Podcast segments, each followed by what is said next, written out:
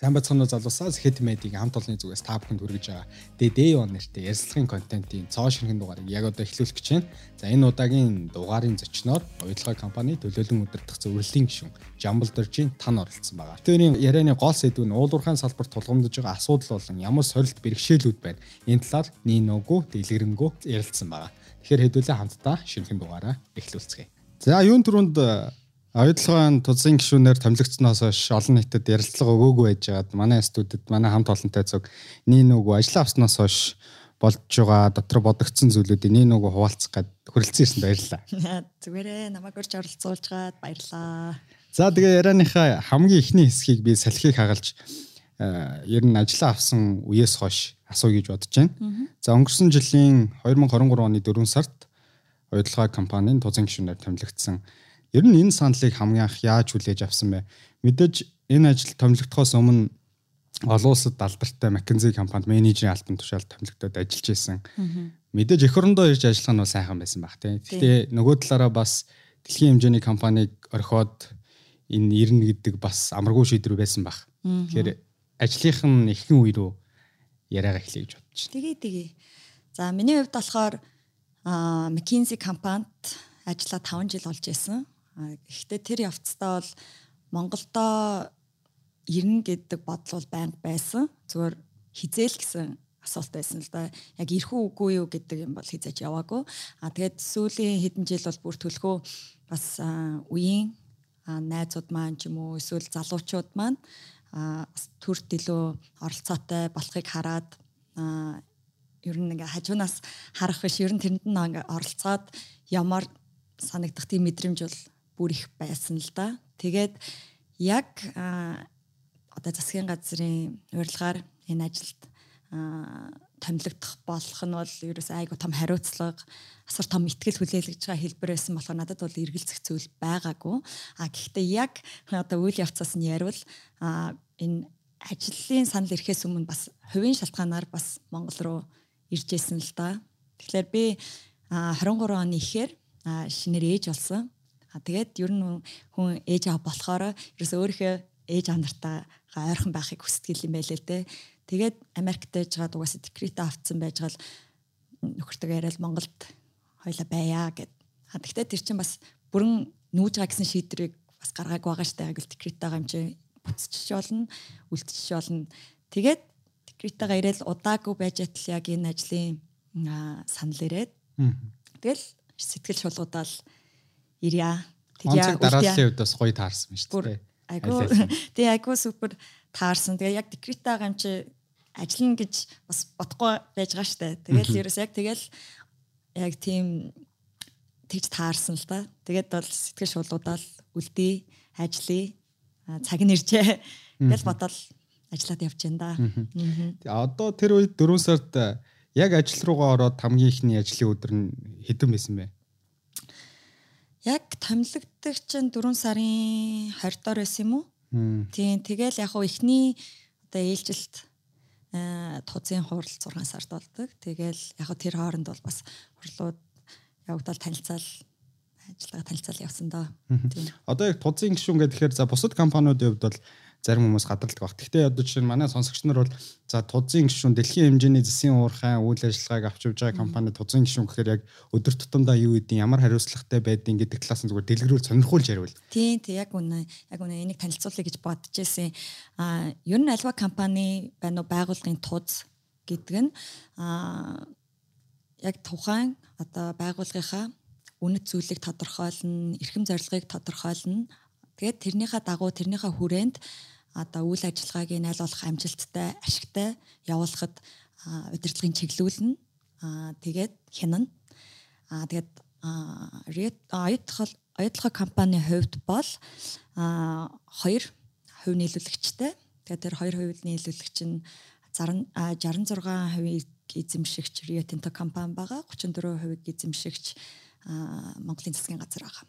Тэгэхээр энэ тэгээд миний хувьд бол оюутлах компанид засгийн газрыг төлөөлж томилогдсон тийм гишүүн байгаа л да. Тэгэхээр 9 гишүүний бүрэлдэхүүнтэй 6 Rio Tinto-гоос 3 засгийн газраас томилог. Тэгээд тэр гурвынх нь нэг нэг нь би гэж ойлгож байна. Тэгэхээр давхар бас үүрэг орж ирж байгаа юм л да. Энд чи одоо joint venture одоо хамтарсан компани төлөөлөл удирдах зөвлөл гэхээр бидний хувьд бол зөвхөн компанийхаа хажуугаар компани дотроо одоо Монгол улсын засгийн газрын байр суурийг хамгаалах одоо Монгол улсын одоо айл болохоор үр өгөөж эрх ашгийг хамгаалж үр өгөөжийг нэмэгдүүлэх хурдасгах одоо урт хугацаанд байлгах гэдэг дээр ер нь бол ингээ анхаарч ажиллана гэсэн үг. Тэгэхээр яг ажлын чиг үүрэг гэдэг нь тийм ойлголттой. А тэгээд ер нь тууз гэхлээр чинь яг бүтэн цагийн ажил юм уу гэвэл ер нь нэг дэлхийн жишг дээр бол үгүй. А одоо ээлжил турлууд болно. Одоо янз янз гэхдээ бол улиралдаа нэг болно. Тэгээд ээлжид бус хурлууд болно. Ойдлогын хувьд бол бас илүү одоо ээлжид бос хурлууд ч гэсэн илүү явагдана гэсэн үг тий. Тэгэл өдөр тутмын ажил гэвэл тэгэл гол нь энэ талаар одоо мэдээллээр маш сайн өөрийгөө хангах одоо тэр нарийн одоо ерөнхий юм бол байхгүй дандаа тэр нарийн дотроос нарийн мэдээлэл дундаас за Монголын одоо эрх ашиг одоо Монгол эрх өгөөж нь хаана байгаа гэдэг нь бол тийм шууд тодорхой байдаг биш. Ингээл энэ энэ энэ гэсэн тийм байхгүй дээ. Тэр чинь одоо олон чиг гэрээлийн мэдээллүүд мэдээллийн урсгалаар ирж байгаа. Тэгэхээр өөрийгөө байнга одоо мэдээллээр хангах одоо ярилцах, хэлцэх одоо тийм юмнууд бол бас их байдаг болохоор шууд ингээл хуралдаар суучаал тэгэл бусдаар ингэж хийлдэт байгаа. Тийм юм бол байхгүй тий. Харцангуй чөлөө цаг байгаа юм шиг сонсогдож байгаа хэрнээ бол бодож шийдэх тэр мэдээллүүдийг боловсруулах үйл явц нь бол их их хугацаа авдаг гэсэн санаа шүү дээ. Тийм яг үнэн тэр нь хугацаа орно дээрэс нь тэр чинь байнга бодогдож байна те. Тийм. Мэдээж хариуцлагатай. Тийм хариуцлагатай тэр хариуцлага байнгын ухамсарлаж ажиллана гэсэн үг тийм. Өмнө таны хувьд за баг Монголд хамгийн удаандаа баг нэг олон жил бол ажиллаж байгааг баг. Тэ ихэнх нь олон улсын гадаадын топ компаниудад ажиллаж байсан туршлагатай. За тэгээ Монголын хөрсөн дээр ирээд Монголын зах зээл гэж хүмүүс ярьдаг шүү дээ. За хөрсөн дээрээ буугаад ажиллаад үзэхэд би илүү нөгөө асуултаа бэлдэхтэй төртөө ажиллахад хүндрэл нь юу вэ гэд бэлдчихэж. Гэхдээ таны яриг сонсож байхад тузын гишүүн чинь ер нь бол төрийг төлөөлж байгаа. Нэг талаасаа төр гэдэг бол арт том учраас таад ч юм бол нэг тал гэсэн үг шүү дээ. Ер нэг тал. Тэгэхээр хүндрэлтэй нөхцөл байдал нь яг хаана үүсэж байна? Тий яг миний төрөнд хэлсэн нэг асуудал нь бол яг аа төрийг төлөөлнө гэдгээ юу хэлээд байгаа гэдэг ойлголтын дээр нэгдэх тэр ойлголтоо өөрөө итгэл итгэл үнэмшилтэйгээр ингээд ойлгож ухамсарлах тэр бол нэг асуудал байгаа. Тэгээ хоёрт бол ер нь зүгээр илүү төртэй ажиллах альва газрын төрчтэй зөвхөн одоо Монгол улсын төрч гээгүү зүгээр ер нь хаа газар төр хувийн хвшлийг бодвол үйл явц процесс нь олон тэгээ удаан байдаг. А тэгээ би болохоор хувийн хвшилд ажиллаж байсан туршлагатай. За тэгээ хоёрдугаарт McKinsey гэдэг компани ч ер нь бусад компаниудад үйл үйл явц процессаа сайжруулахад зөвлөдөг компани болохоор юм нь маш хурдтай одоо үр дүнг байнгын үр дүнтэй байхыг тийм эрхэмлдэг компани. Тэгэхээр ер нь ингээд юмны хурд хурд лайг өөр тэгээ одоо үр дүн ингээ байнга гаргаж явах. Тэнгүүд чинь юмны процесс чинь хамаагүй удаан. Тэгээ шат шатанд ингээд өөрийн гэсэн дагуулах үйл явц процесстэй тэрийг дагах ёстой мөрдөх ёстой ингээд тэр байгаа. Тэгэхээр ер нь бол ялгаа гэх юм уу тэр.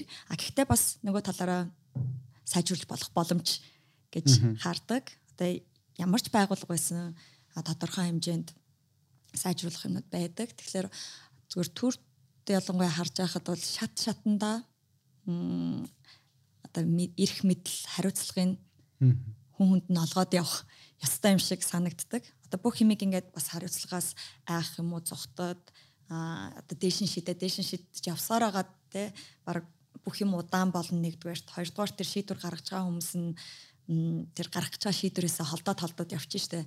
Тим юм гаргахгүй тулд яг тим соёлыг би болгох хэрэгтэй юм шиг улам ихээр би болгох хэрэгтэй юм шиг санагдаг. Би зүгээр нэг өөрийнхөө одоо McKinsey-д ажиллаж байсан нэг туршлагаас яг хөө жишээ татвал би нөө анх одоо менежер болоод одоо хэдэн жилийн өмнө анхныхаа төслийг эхлэхэд манай одоо партнер одоо дарга тэр тухайн төсөл дээр байсан дарга надад хэлжээс ихний өдөр окей та одоо чи энэ төсөл дээр чи удирдах байгаа чи энийг хариуцж байгаа тэгэхээр би чамд юу хийхийг хэлэх биш. Чи надаас юу хэрэгтэйг чи л ирж асууна уу гэхээс бусад юм чи мэдээлэлтэй ойрхон байгаа. Энэ бол чиний хариуцах бүх асуудал чиний хариуцах асуудал шийдвэр гаргах нь бүгд чиний процессыг чи яаж явагдгийг мэдж байгаа ойлгомжтой. За тэгээд юм хэрэг болвол надаас суугаарай. Тэгэхээр би нэгдүгээрт айгу хурдан явна. Тэгээ бас тэр зарчмаараа би бас багийнхандаа те ажлуудыг хуваарлахдаа чийл энэ ажлыг хамгийн сайн мэднэ. Тэгэхээр яг юм хэрэгтэй бол надаас асуу, чиглэл хэрэгтэй бол а тэгээ мэдээч хэрэг чиглэл асуух юм бол байн гарна.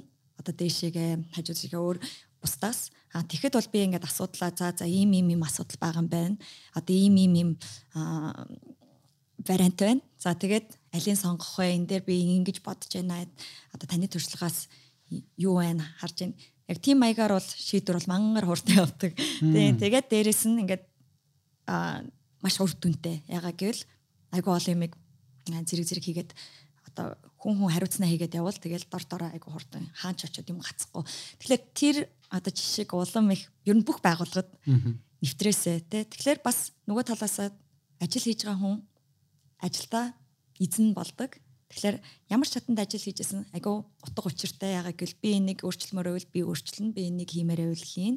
Аа тэгээд үр дүнгээ хараад хараад явчихна яг тэр л тэр соёлол болон түгээсэй л гэж боддгийн. Тэгээд энэ бол хувийн хвшилт ч гэсэн яг төгс биш, байгуулгын төгс биш. Гэхдээ ингээл ер нь ажиглагддаг. Хүндээ нэгсэндээ итгэх ёстой л гэсэн үг шүү дээ. Хариуцлагын нөгөө. Тэгэхгүй бол нөгөө хүмүүс чинь эцсийн соёлыг бий болгох хэрэгтэй. Тий, хүмүүс чинь нөгөө шийдвэр гаргах үйл явцад оролцоогүй хэрнээ дараа нь бүх юм буруугаар хэрвээ ирэх юм бол дараа нь орж ирээд нөгөө шийдвэр гаргаад ажлыг явуулсан хүн буруудах тал бас байгаад байдаг тий. Тий, яг үнэ. Яг үнэ. Тэгээ бас нөгөө талаас энэ байгуулга гэлтгүү бас юунд ч одоо хамруулж ойлгож болно. Одоо иргэдийн оролцоо те бид нэр нэг улс орн гэдэг чинь бас одоо нэг байгуулга шиг шүү дээ тийм. Тэгэхээр зөвхөн за би оролцоогүй ээжээч аа тэгээ дараа нь асуудал ийм байна надад таалагдахгүй байна гэхээсээ илүү оролцоод үтцсэн бол эсвэл ямар нэгэн байдлаар дуу хоолойгоо хүрэх тэгж оролцсон бол тэр чинь бас мэдж байгаа штэ. А энэ шийдвэр гаргахад бас хэцүү байсан юм байна. А ийм эсвэл үнэхээр тэнэг шийдвэр байсан байна гэдгийг бас үнээсээ хэлж болохоор те. Таны ярианаас сонсож байгаа. Нин нүгэл одоо хоёулаа ярилцсан ярилцсан гэсэн чинь нин нүгэл яа. Хэр ирнэ одоо үнэхээр та ингээд шийдвэр гаргах төвшөнд ингээд дотор ингээд нэг амтагтаа те цаг ингээ нэг шийтгэсэн ийм нэг юм одоо бодлогын чанарт ингээд энэ туз дээр оруулаад ярилцсан игээд зориг нь байгаад идэг санаачлах нь байгаад идэг Нин үг хэлэхэд хүчин нэр нь хэр байд юм бэ? Яг би түрүүнд хэлсэн аа 9 хүний бүрэлдэхүүнтэй тууз байна. А 6 нь нэг талаас нэг хувь нийлүүлэгчээс 3 нь нөгөө хувь нийлүүлэгчээс. Тэгэхээр а ер нь олонх бол нөгөө талд байна л да. Тийм тэгэхээр а тим амар одоо тим амар зүгээр л яг хүснээ оруулаад тийм шийдэх тийм тогтолцоо нь бол байхгүй яг үндэ. Тэгээд маш их хилцээр тэр явах хэвээр явагдах хэвээр. Нэгдүгээрт хоёрдугаарт хилцээр нь зөвхөн одоо тузын өрөөнд явдаггүй гэдгийг бас ойлгох хэрэгтэй юм чинь. Компани гэж компани одоо хувь нийлүүлэгчдийн одоо бүрэлдэхүүнтэй тууз байна. Гэхдээ бид нар ч ингээд ер нь бол компани оюутлага гэдэг компанийг төлөөлж байгаа. Аа тий эцсийн одоо зорилго нь бол а тэгэхэд хувь нийлүүлэгчд тусдаа бас хилцээр хийгддэг. Одоо нөө бид нэр зөндөө шүү дээ нөө 21 онд хилцээр хийгдэж гэн гэдэг тэгэхэд нөө ажлын хэсэг одоо ерөнхий сайдын томилсон яг оюутлагатай хилцээр хийх ажлын хэсэг гэд байдаг. Тэд нар бол ингээд яг ингээд засаг дээрээс бас явагдаж байгаа. Тэгэхээр ингээд шууд бас хилцээрүүд явагддаг. Тийм болохоор шууд ингээд за бүх юм ингээд тузын өрөөнд ороод ярилцдаг гэдэг үгүй компанийнхаа хүрээнд юмнууд. Аа тэгээд хувь нийлүүлэгчдийн бас асуудлууд байна. Тэд нар хувь нийлүүлэгчдийнхээ хооронд бас хилцээр явагддаг. Тэгэхээр ингээд шууд ингээд за одоо энийг ингээд шийдэнтэй тий бас тийм бүх юм чи бас шатаараа процесс шат дараа процесс нь бол яалчгүй бас нэлээд л шат амжилтыг авах юм байна тий. Тэгжээж л хэрэгчих юм байна. За эргээд ярианыхаа ихэнд та хэлсэн шүү дээ. За ер нь бол Монголдо ирж ажиллах сонирхол бол угаасаа байсан дээ. Дан ганц ингээд оюутлогоо э, туз гэдэг албан тушаал гарч ирснээр бас Монголд бол ирчээгүй юм байна. Ер нь л хүсэл байсан байна. Боломж нь гарсан бол тээ. Тэгэхээр нэг ийм асуудал зөвхөн Монголын дотоодын асуудал байгаад байгаа юм болов уу гэж би ажиглалдаг. Төрийн өмчөд компани болон төрийн оролцоотой компаниудын гүйцэтгэх удирдлагт тавигдж байгаа хүмүүс нь ер нь мэрэгсэн бос хүмүүс байгаад байдаг хэд хэдэн жишээнүүд байна те бид нар нэрлэх юм бол ингээд тод ил байгаад байна. Тэгэхээр нэг дотооддоо байгаа асуудал нь бол энэ байгаад байна. Яг мэрэгсэн гадаадад одоо боловсрол эзэмсэн гадаадын топ компани юм уу олон жил ажиллаад туршлага хоригдлуулад ирсэн хүмүүсийн тавихгүй байгаа нэг асуудал байна. А нөгөө талаасаа гадаадын гадны том их сургуулиудыг топ их сургуулиудыг төгсөөд тэндээ бас одоо McKinsey шиг дэлхийд алдартай компаниудад 3-5 жил жишээ болгож ярьж байгаа тийм. Ажлаад тэр туршлагыг бас эх орондоо авчирч ашигламаар шүү дээ. Тэр ноу хавыг Монголдо түгээмээр шүү. Тэгэхээр тэр залуучуудын залуучуудын урсгал бас цөөрч байна. Тэгэхээр гадагшаа чиглэх энэ асуудал нь бол тийм байгаад байна. Энэ хоёрыг хоорондоо нэр нь яаж огтлцуулах хэрэгтэй юм бэ? Залуу хүний хувьд одоо та хоёрыг ажиллаж шít. Тэгэхээр танаа үеийнхэн одоо гадаадад Oxford, Harvard төгссөн. За тэгвэл тэр нэг үеийн залуучууд бол гадаадад бод ажиллаж байгаа шүү дээ. Тэр эдийг яаж ятгах чинь?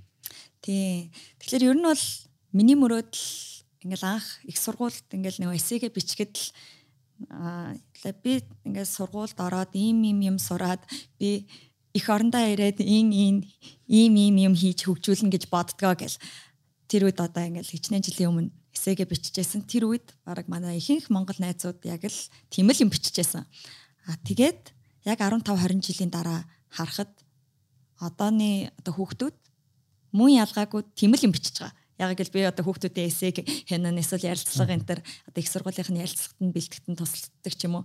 Мөн адил яг л би яг энэ асуудал манай их оронд байдаг эсвэл манай ойр тойронд ийм байдаг. Тэгээ би энийг л нэг өдөр ирээд засах юмсан гэж бодож мөрөөддөг гэх. Тэгэхээр тэр хүсэл эрмэлзэл бол ерөөсөө хിവрэ байдаг гэж бодож байна. Аа тэгээд ер нь бол бас монгол залуучуудад илүү тэр нь хурц байдаг ч юм уу гэж ажиглагддаг зүгээр аа одоо өөр олон улсын хүмүүсээ харахад бол бас оо би их орондоо очиод яг тимийг хийн гэсэн тим яриа бол ингээд тийм манай монголчууд шиг тим их түгээмэл биш гэж ажиглагдсан үнэ яг статистикийг хараагүй ч гэсэн надад бол зүгээр хувийн туршлагаас тийм байгаа. Тэгэхээр тэр хүсэл эрмэлзэл нь бол байгаад байна. Тэгэхээр бас магадгүй одоо Монголд байгаа хүмүүсийн зүгээс миний түрүүнд хэлсэн тэр нөгөө утга учиртай ажиллах тэр нөхцөлийн соёлыг бүрдүүлэх хэрэгтэй юм болов магадгүй одоогоор манай хөдөлмөрийн зах зээл яг тэр тутал одоо хөгжөөгүй зүгээр яг эдийн засгийнхаа төвшөнтэй ингээд хамт байгаа болохоор шууд ингээд цалин хангамжаараа гадаадтай өрсөлдгүү хэмжээнд бол одоогор байхгүй байна. Мэдээж хэрэг тэрний төлөө л бид нэр бүгд ажиллаж байгаа х тэ.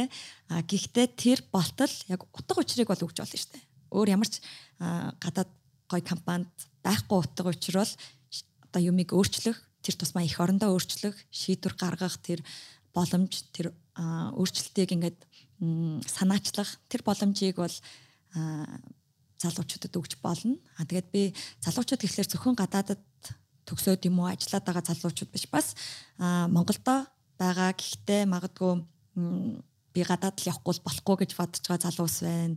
Дээрэс нь Монголдо уулын төрд ажилламаар байна. Эсвэл төртэй холбоотой эсвэл ус орныхаа хөгжлийн асуудал дээр оролцоод ямаар байна. Гэхдээ нэг боломж нь гарч өгөхгүй байгаа юм шиг санагдаж байгаа.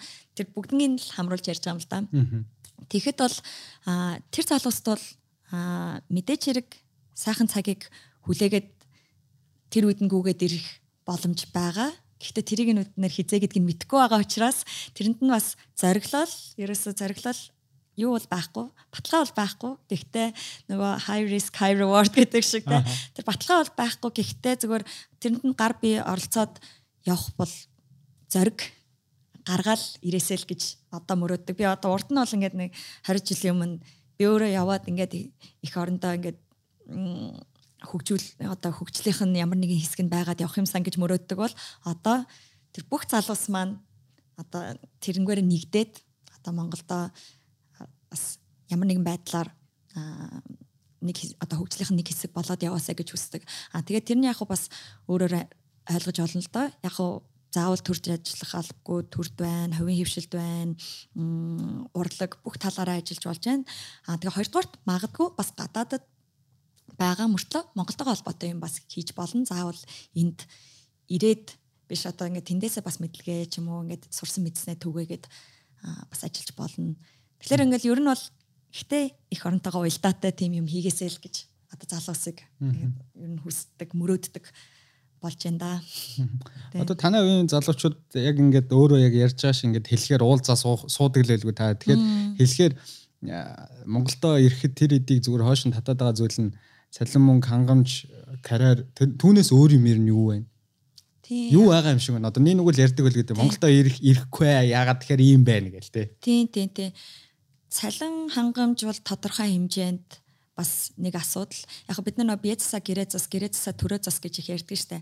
А тэгэхээр энэ одоо миний туршлагаас бол ингээ бие засах гэдэг нь бол гадаад юм сурч мэдэх айгүйх одоо сурч мэдэх боломж бол асар их байдаг. Тэгээд мэдээч хэрэг одоо гадагшаа явахыг сонирхож байгаа залуусыг бол би боломж нь байвал яваад ирээ гэж бол би заавал хэлнэ. Заавал яг тэр боломж нь байвал тэгээ хүсэл нь байвал яваад юм сураад ингээд үзээд хүрээд ирэхэд бол сайн л болно гэхээс л тэр юм нас цугтж байгаа юм шиг тийм юм байхгүй. Аа тэгээд нөгөө гэрээ засах гэдэг чинь ерөөсөө бас тодорхой хэмжээнд одоо тогтвортой байдлыг өөрөө өөртөө бас одоо гэрийнхэнтэй үүсгэх хүн чи шаардлагатай шүү дээ. Ер нь хүн идэх шаардлагатай те орох оронтой байх хэрэгтэй ч юм уу те. Тэгэхээр тэрийгээ бас хангахын тулд одоо цалин хангамжуул ялцчгүй чухал. А гэхдээ яг хамаг утга учир нь бол нөгөө төрөө зас гэдэг дээр байгаа даахгүй. Төрөө зас гэдэг нь заавал одоо яг төрд ажил гэдэг байгаа биш. Гэхдээ зүгээр ер нь нэг одоо өөрөөсөө илүү одоо өөрөөсөө том тийм дүр зургаар хараад би одоо юуны төлөө амьдраад байгаа юм бэ гэдэг юм чинь л одоо төрөө зас гэд гэж би ойлгодог. Тэнгүүд тэр утга учир бол ер нь монгол хүнд бол бас Монголтай айгу уялдаатай байдаг. Тэгэхээр магадгүй ингээд тодорхой хугацаанд тэрийг алдахгүйгээр за би тодорхой хэмжээнд за нэг байрны мөнгөтэй ч юм уу эсвэл бас арай нэг нэг тэ нэг тодорхой хэмжээний нэг хоримтлал үүсгэчлээ гэдэг цэгтэй хурчвал одоо яг утга учиртай а дээрэс нь бас нэг жоохон ойлгомжтой шат дараалтай л одоо карьерийн нэг юу хараад дүр зураг харагдмаар байгаад байдаг юм шиг байна. Тэгэхээр тэрэн дээр жоохон тутмаг байдаг юм шиг байна. Ягаад гэвэл за одоо хувийн хөвшилж байна уу, төртж байна уу? За би яг энд л ажиллаа гэхэд би яг яавал эндээ ахихын за тэгээ би эндээ 10 15 жил ажиллаад би яг аль цэгт хүрэхин гэдэг нь одоо тодорхойгүй байдаг ч гэдэм уу одоо хувийн хвшилт ярихад одоо ихэнх компаниуд ч юм одоо хувийн компаниуд байдаг. Тэнгууд чи хувийн компанид ч хичнээн сайжлаад 15 20 жилийн дараач тэр компанийхаа захирал хэмжээнд хүрэхгүй ч юм уу. Тэ эсвэл нэг одоо хүссэн цэгтээ хүрч чадахгүй мэдрэмж авдаг ч юм уу. Эсвэл за төр засаг мэдээж хэрэг. За би яг яавал энэ энэ цэгт очих уу? Би яавал одоо яг шийдвэр гаргах хэмжээнд очих уу? Би яавал яг юм өөрчилж байгаа юм шиг мэдрэмж авах вэ гэдг нь бас шууд ингээ гаднаас харахаар тэр дүр зураг нь харагддаггүй. Тэгэхээр тэр тэрийг болохоор бид нар болохоор Монголд байгаа хэдэн тэр соёлыг аль болох бий болгох тэрийг ингээд нээлттэйгээр ийм байх шүү миний туршлага бол ийм байна гэж ингээ би бинтэйгээ хуваалцдаг байх хэрэгтэй юм болов тэгээд яг хуу тэгэл нөгөө хэлжсэн цаг хугацаагаас гадна цаг хугацааг товчлие гэвэл тэгэл тэр рискийг аваад тэр зориг гаргаал хийгээд үз тий хийгээд үз. Тэгээ болохгүй бас яг хуу буцах сонголтноос ивэрэ байгаа шүү дээ. Тийм байж болно шүү дээ тий. За баярлалаа.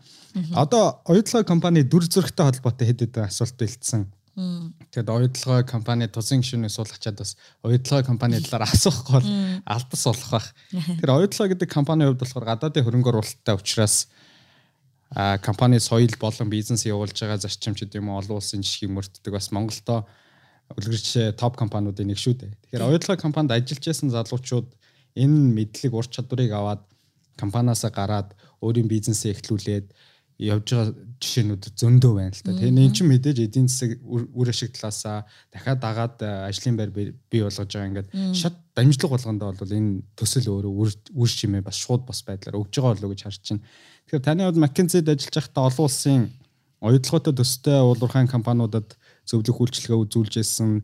За тэгээд заавал уулуурхайн компани гэхгүй бас энэ үүнтэй жишг хэмжээний өөрөө салбарын компаниудад ажиллаж исэн баг. Тэгэхээр гадны туршлагыг ер нь альва улс орон өөрийн орондоо нэвтрүүлэх, гадны туршлага төр мэдлэгтэй оо мэрэгчлэтнүүдийг авч ажилуулах тэр нь яагаад чухал гэдэг талаас нэг тайлбарлаж өгөөч. Залуучууд биднэрт.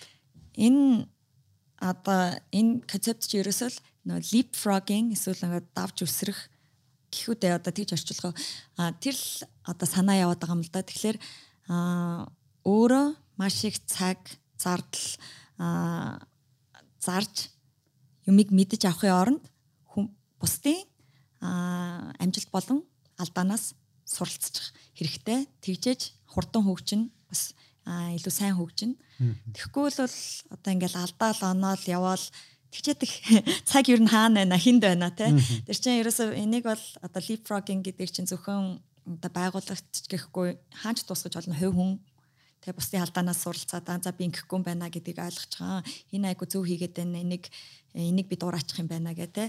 А хувь хүн дээр тусгаж болно, байгууллага дээр тусгаж болно, улс орон дээр тусгаж болно. А тэгээ яг McKinsey-гийн хувьд бол зөвлөх үйлчилгээний компани. А тэгээ зөвлөх үйлчилгээний компанид яагаад ер нь байгууллагууд одоо төр засаг байна уу, хувийн хөгжлийн компаниуд байна уу? Тийм их мөнгө одоо тодорхой хэмжээгээр бас их мөнгө штэ. Их мөнгө зарцуулаад ингээд нэг баг аваад нэг одоо асуудлуудаа шийдвүүлэх гээд ингээд бас шийдэл хайлгуулад ажилуулад байдаг юм бэ гэвэл тэр нөгөө очиж байгаа 5 5 10 хүний бүрэлдэхүүнтэй багийн мэдлэгийг авах гээд байгаа мó гэвэл яг үндэ үгүй. Тэр чинь цаана одоо ямар ч компани одоо McKinsey-гийн хувьд бол одоо 100-аад жилийн туршлагатай за том жижиг баг дэлхийн ихэнх байгууллагуудад зөвлөх үйлчилгээ үзүүлээд тэднийхээ туршлагаас суралцсан одоо баахан мэдлэг ингээд хоримтлуулад системжүүлээд тэгээ тэрэн дээрээ үндэслээд ингээд өөрийнхөө арга барилаар зөвлөөд одоо шийдлүүд гаргаад явдаг тийм компани л мэдлэгийг л ухах гээд байгаа шүү дээ. Тэгжээж ингээд тэр чинь ингээд замыг айгу товч болгож байгаа. Тэгээ үр дүнтэй болгож байгаа. Тэгэхээр бид нар бас байнгын биднэрт тийм боломж юу байна гэдгийг л олж харахтай. Бид нар гэдэг нь ерөнхий бид. Одоо хувь хүнчээч олон байгууллага ч Монгол улсын тэр чигээр Монгол улс тэр чигтэй тэгээ яг үнэн тий. Ерөөсөө л бид нар зовж баахан цаг мөнгө зарцуулж энийг 20 жилийн дараа сурах уу? Эсвэл зүгээр л товчлоод одоо байгаа туршлагуудаас суралцаад явах уу? Тэрэнд тодорхой хэмжээгээр одоо зардалтай ч байсан гэсэн ер нь бол тэр бол харамсах зүйл биш. Ерөөсөө л айгуу айгуу хэмиг авчирч байгаа л гэж ойлгох хэрэгтэй. Тэгэхээр одоо би бол өөрөө зөвлөх үйлчилгээний компанид ажиллаж байсан болохоор зөвлөх үйлчилгээг айгуу ер нь бол айгуу үр дүнтэй гэж боддог хүн. Дээрээс нь тэгэл мэдээлэл бол айгуу нээлттэй ил тод одоо бүх газар бол мэдээлэл бол айгуу илбэг болцсон юм чинь тэр мэдээллийг л айгуу оновчтойгоор өөрсдөө тусгаж авах боломж байдаг тий. Ойлгоход төсөл төр мэдээж яг таны хэлснээр гадны туршлагатай мэрэгчлэнүүд ирээд бас сүүлийн 10 гаруй жил бүтээн байгуулалтыг босгоод яг одоо бол бид нар бас амжилттай гэж хэлэх үс нэгэн үйл явдал өнгөрсөн жил байна уу?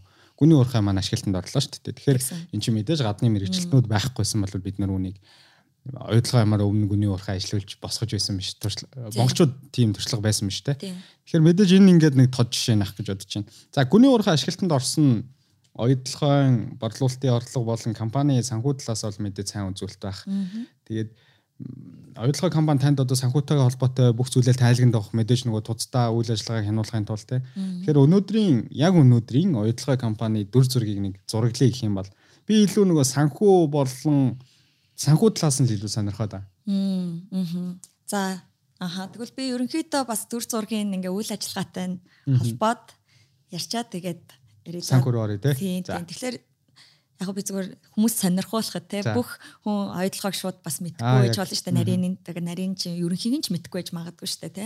А яг ойдлогоо компани үйл ажиллагаа нэг шат дараалтай одоо хэдэн хэсгээс бүрддэг. Ингээ багцлаад үзүүл ил уурхай байгаа даал дуурхай байгаа баяжуулах үйлдвэр байгаа логистик байгаа. За тэгээд энэ бүтэн үйл ажиллагаагаа дэмжсэн дэд бүтэц болон үйлчилгээнүүд байгаа.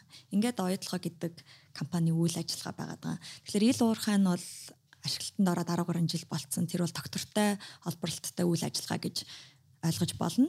Аа тэгээд гэхдээ бид нэр их ярьдаг штэ гол одоо баялагын 80% нь далд уурхай нөөцөндө байгаад байгаамаа. Гэт тэгээд бид нэр энэ далд уурхайг одоо бүтээн байгуулалтыг хийгээд одоо олон жил болж байна.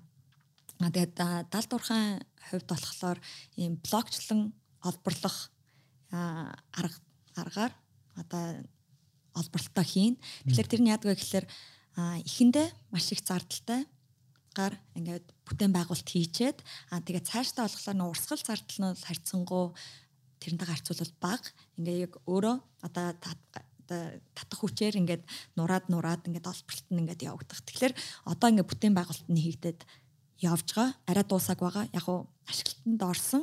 Аа тэгээд гэхдээ бүрэн хүчин чадалтай хүрэхэд одоо бас тодорхой хэмжээний одоо бүтээн байгуулалт хийгцээр байгаа. А тэгэхээр 23 оны эхний улиралд бол далдуурхай бүтээн одоо олборлолт эхэлсэн. Тэнгүүд нь тэр нь ил уурхааныхаа олборлолттой хослоод одоо одоо баяжмал гаргаад явж байгаа. А тэнгүүд 25 он гэхэд одоо 25 оны төгсгөл гэхэд ер нь бол нөгөө бүрэн хүчин чадалтай хүрэх тэр бүтээн байгуулалтыг хийгээд дуусгая гэж таамаглаж байгаа.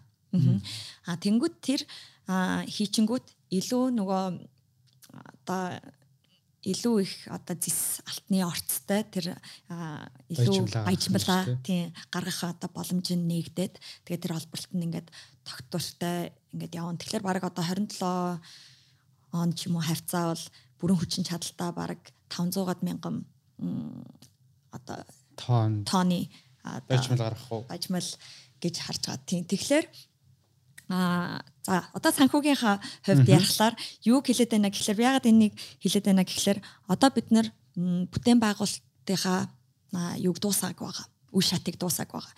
За тэгээд бүтээн байгуулалт хийхин тулд чинь ингээд зардал нэмж хийж байгаа. Одоо санхүүжилтээр босгосон одоо зардал гаргасаар байгаа. А тэгэнгүүт одоо 25 оны үед тэр одоо бүтээн байгуулалтын үеийн үе шатанд дуусглаар бид нар яг бие даасан одоо зөвхөн олборлолтоороо одоо эерэг мөнгө урсгалтай тийм компани компани руу шилжинэ гэж ойлгож байна. А тэгэн тэгэхээр яана вэ гэхлээр одоо нэг урд нь их одоо мөнгө босгоод тэрийг зараад байсан бол одоо тэр мөнгө босгохын тулд одоо босгосон үр зээлээ ингээд яг дараад явах яг ингээл мэдээж хэрэг түүгээ төлөөд явдаг л да. Гэхдээ тэр чинь санхүүжилтийнхаа зардлыг бол төлөөд явж исэн ч гэсэн тэр нь одоо ингээд дарагдаад эхлээд явсаар агаад одоо ногдол ашиг руугаа очих. Тэгээ нөгөө алдарт ногдол ашиг руугаа очих үе шат руугаа л ойртоод байна гэсэн үг. Тэгээ тэрний одоо таамгаар бол одоогоор 2037 он хавцаа бол Монгол улсад одоо ногдол ашиг ирэх одоо нөхцөл нь бүртнэ гэж харж байгаа. Тийм. Нэг тийм дур зураг байна да одоо тэр хүртэл бол мэдээж нэг анхны хөрөнгө оруулалт буюу энэ бүтээн байгуулалтыг босгоход энэ ойролцоогоор хэр их хэмжээний мөнгө одоо зарцуулчихад байгаа юм бэ? Тэрийг л буцааж төлнө гэсэн үг өстэй одоо 37 он. Тий, яг хөө тий тэрийг болон юугаа төлнө штэ. Тэрийг нөгөө санхүүжилсэн зардлаа. Тий. За. За ямар ч санхүүгийн дүр зурагт бол одоо нөгөө нэлээ олон хүмүүс ногдлаш хайзаа авах байл гэдэг нэг маргаад идэг. Тэгээ тэрэн дээр бас зүгээр нэг таамаг те одоогийн санхүүгийн төлөвлөгөөгөр бол ерөнхийдөө 37 он гэж харж байгаа гэсэн хариултыг өгчлөө. Тэгэхээр хөрөнгө оруулалтын үе шат маань өөрөө ингээд дуусах тал руу орж штэ те. Бүтээн байгуулалт маань бас нэг 80%, 70% руу орж байгаа. Тэгэхээр дараагийн одоо нэг мөнгө урсгал ярих гэдэг штэ Тий одоо жишээ нь эн чинь нөгөө бүтээн байгуулалт барьж байгаа гэдэг чинь Монголд төдий чиний чинээний доллар орж ирээд э, худалдаа авалт хийгээд Монгол аж ахуйн нэгжүүд хүмүүсээ салинжуулаад э, оюутлогоо дээр ингээд тендер шалгараад үйл ажиллагаа явуулаад ингээд байж байгаа. Гэтэл одоо бүтээн байгуулалт дуусчлаа. Доктортой үйл ажиллагаар орж байгаа нэг талаараа сайн мэдээ боловч нөгөө Монгол улсын эдийн засгийг тэтгдэг эм тариа болсон мөнгө урсгал саарнаа. Энэ нөгөө долларын ханшинд нөлөөлнө Гэтэ мэдээж энэ бол төрийн хийх ёстой л ажил л та. Гэтэ бид нар зүгээр энэ мөнгө урсгалыг нэмэгдүүлэх дараагийн боломж нь юу вэ гэж өөр харж байна залуу хүний хувьд. Тий яг уу а хідэн та хүчин зүйлээс ингээд энийг бас бодож болох юм а яг мөнгө урсгал бол яг тэг гадаад хөрөнгө оруулалт дотоод хөрөнгө оруулалт яг ямар чиглэлээр ер нь хийх вэ одоо юун дээр анхаарах вэ гэж бодвол одоо мэдээч хэрэг биднэрт манай уул уурхайн салбар одоо байгалийн баялгаа түшгэлсэн салбар маань одоо хамгийн ойлгомжтой те. Одоо оюутлогоо байна те. Тэгээд а ер нь бол зис нүүрс тэгээд одоо уран яригдчихэж байгаа те. Тэгээд одоо ийм энэ салбарууд бол байгаа. Тэгэхээр энийг а мэдээж хэрэг эндээ хөрөнгө оруулалт ингээ хийсээр байх хэрэгтэй. Одоо хөрөнгө оруулалт татах энэ дээр бол үйл ажиллагааг нь үйл ажиллагаа бүтээн байгуулалтыг зогсоохгүй. А тэгээд дээрэс нь бид нар яг энэ салбар дотор одоо уул уурхайн салбар дотор бид нар илүү нэмэн үртэг шингээсэн тийм бүтээгдэхүүнүүдийг бий болгож чадах уу гэдгээ бас айгүй сайн бодоод ийшээ бас хөрөнгө оруулж болох. Одоо жишээлбэл одоо зүй сайлуулах үйлдвэр юм уу бид нэр зөвхөн баяжмал гаргадаггүй бид нэр дараагийн шатныхаа бүтээгдэхүүнийг гаргаж болж чад гаргадаг болох уу тэргүүл бас тийшээ хөрөнгө оруулалт хийх үү татах уу гэдгийг бас бодох хэрэгтэй. А тэгээд нөгөө талаар эдийн засгаа ер нь төрөлжүүлэх хэрэгтэй. Одоо бид нар бол аялал жуулчлал гэдээ ярьж байгаа ингээл өөрөөр одоо хөдөө аж ахуйн салбаруудаа яаж дэмжих үү. Ер нь бол одоо уул уурхай болон ер нь байгалийн баялагаас гарч байгаа орлогоос л бид нар бол одооноос одоо бусад салбаруудаа хөрөнгө оруулалт хийж явах хэрэгтэй. Тэгжээж бид нэг өдөр байгалийн баялаг бол хязгаарлагдмал нөөцтэй юм чи дуусна. Тэгээд тэр дууссан хугацаанд нь бид нар одоо өөрөө өөрийгөө аваад явдаг эдийн засагтай болцсон байх хэрэгтэй. Тэгэхээр тэр тэрний тулд бас яг нэг шийдэл бол олон улсын жишгээр бол одоо үндэсний баялагын сан байгуулах. Тэгээд тэрийг ингээд тэр чинь яана вэ гэхлээр ерөөсөө одоо байгалийн баялагаас орж ирж байгаа орлогоо төвлөрүүлнэ. Тэгээд төвлөрүүлээд тэрийг өсгөнө. Тэрнийхэн цаад концепт нь ерөөсөө а байгалийн нөөц бол одоо энэ улсын нөөц одоо үес үеийн иргэдийн одоо эзэмшил гэж ойлгож болно. Тэгэхэд бид нар одоо тэдэс тэдэн оны хооронд дуусгачвал тэр иргэдэл одоо тэрийг идэ дуугаа дуусгах юм уу эсвэл бид нэр дараачихаа ирээдүйн бас хойч үедээ бас тэр тэр баялагын одоо үр өгөөжийг үлдээх юм уу. Тэхийн тулд бид нар тэр орлогыг яг нь нөөц нь бол дуусч магадгүй. Гэхдээ тэр нөөцөөс орж ирж байгаа үр өгөөжийг бол ингээд үеэс үед дамжуулахын тулд одоо эдийн засагтаа л одоо хөрөнгө оруулалт хэрэгтэй хийх хэрэгтэй. Тэгэхээр баялагын сан бол төвлөрүүллээ. А тэгээд тодорхой хэмжээнд өсгөөд одоо магадгүй ингээд урт хугацааны бас өрөөгөж өндөртэй санхүүгийн хэрэгслүүдэд хийгээд одоо хүртэггүй тэгэл ерөөсөө Норвегийн баялагын сан шиг одоо бүр хаач үед нь одоо тэдэн тэдэн тийм гар тийм гар хөрөхгүй тэгэл магадгүй тэрнийхээ зүгээр орлоготой одоо одоо хүүгийн орлого гэж ярьдаг шиг тэрнийхээ зүгээр одоо өгөөжсэн ингээл магадгүй төсөөрөөгөө татаад ингээд явдаг тийм жишг. А тэгээ нөгөө талаас болохоор бид нар хөгжиж байгаа улс болохоор бид нар чинь ингээ банаа дид бүтээц одоо өөр мега төсөл орж ирэхэд бид нар тэрэнд зарцуулах мөнгөө бас эндээс гаргах хэрэгтэй. Яг л нөгөө сонголт нь бол илүү өндөр хүүтэйгээр одоо басгах те тэр санхүүжилт басгах тийм болохоор тэр төлрүүлсэн мөнгнөөсөө бас тодорхой хэмжээгээр дид бүтцийн төсөл өөр одоо сонирхолтой мега төсөл яг байвал тэрийг ингээд санхүүжилж авах хэрэгтэй тийм тэгэл Ер нь бол үндэсний баялагын сан байна уу? Ямар нэгэн байдлаар санхүүгийн сахилга баттайгаар л бид нартай мөнгийг тараахгүйгээр төвлөрүүлээд тэгээд одоо бодлоготойгоо уялдуулж хөрөнгө оруулалт хийх хэрэгтэй. Тийм л үе шатруул шилжих хэрэгтэй байгаа тийм. Манайх ч одоо баялагын сантай байлгуулдаг. Баялагын сан байгаа тий. Ер нь бол байгуулсан санагдаад байна. Бага бага. Яг хуу ийм ойлголт. Одоо манайд нөгөө ирээдүйн сан гэж байгаа.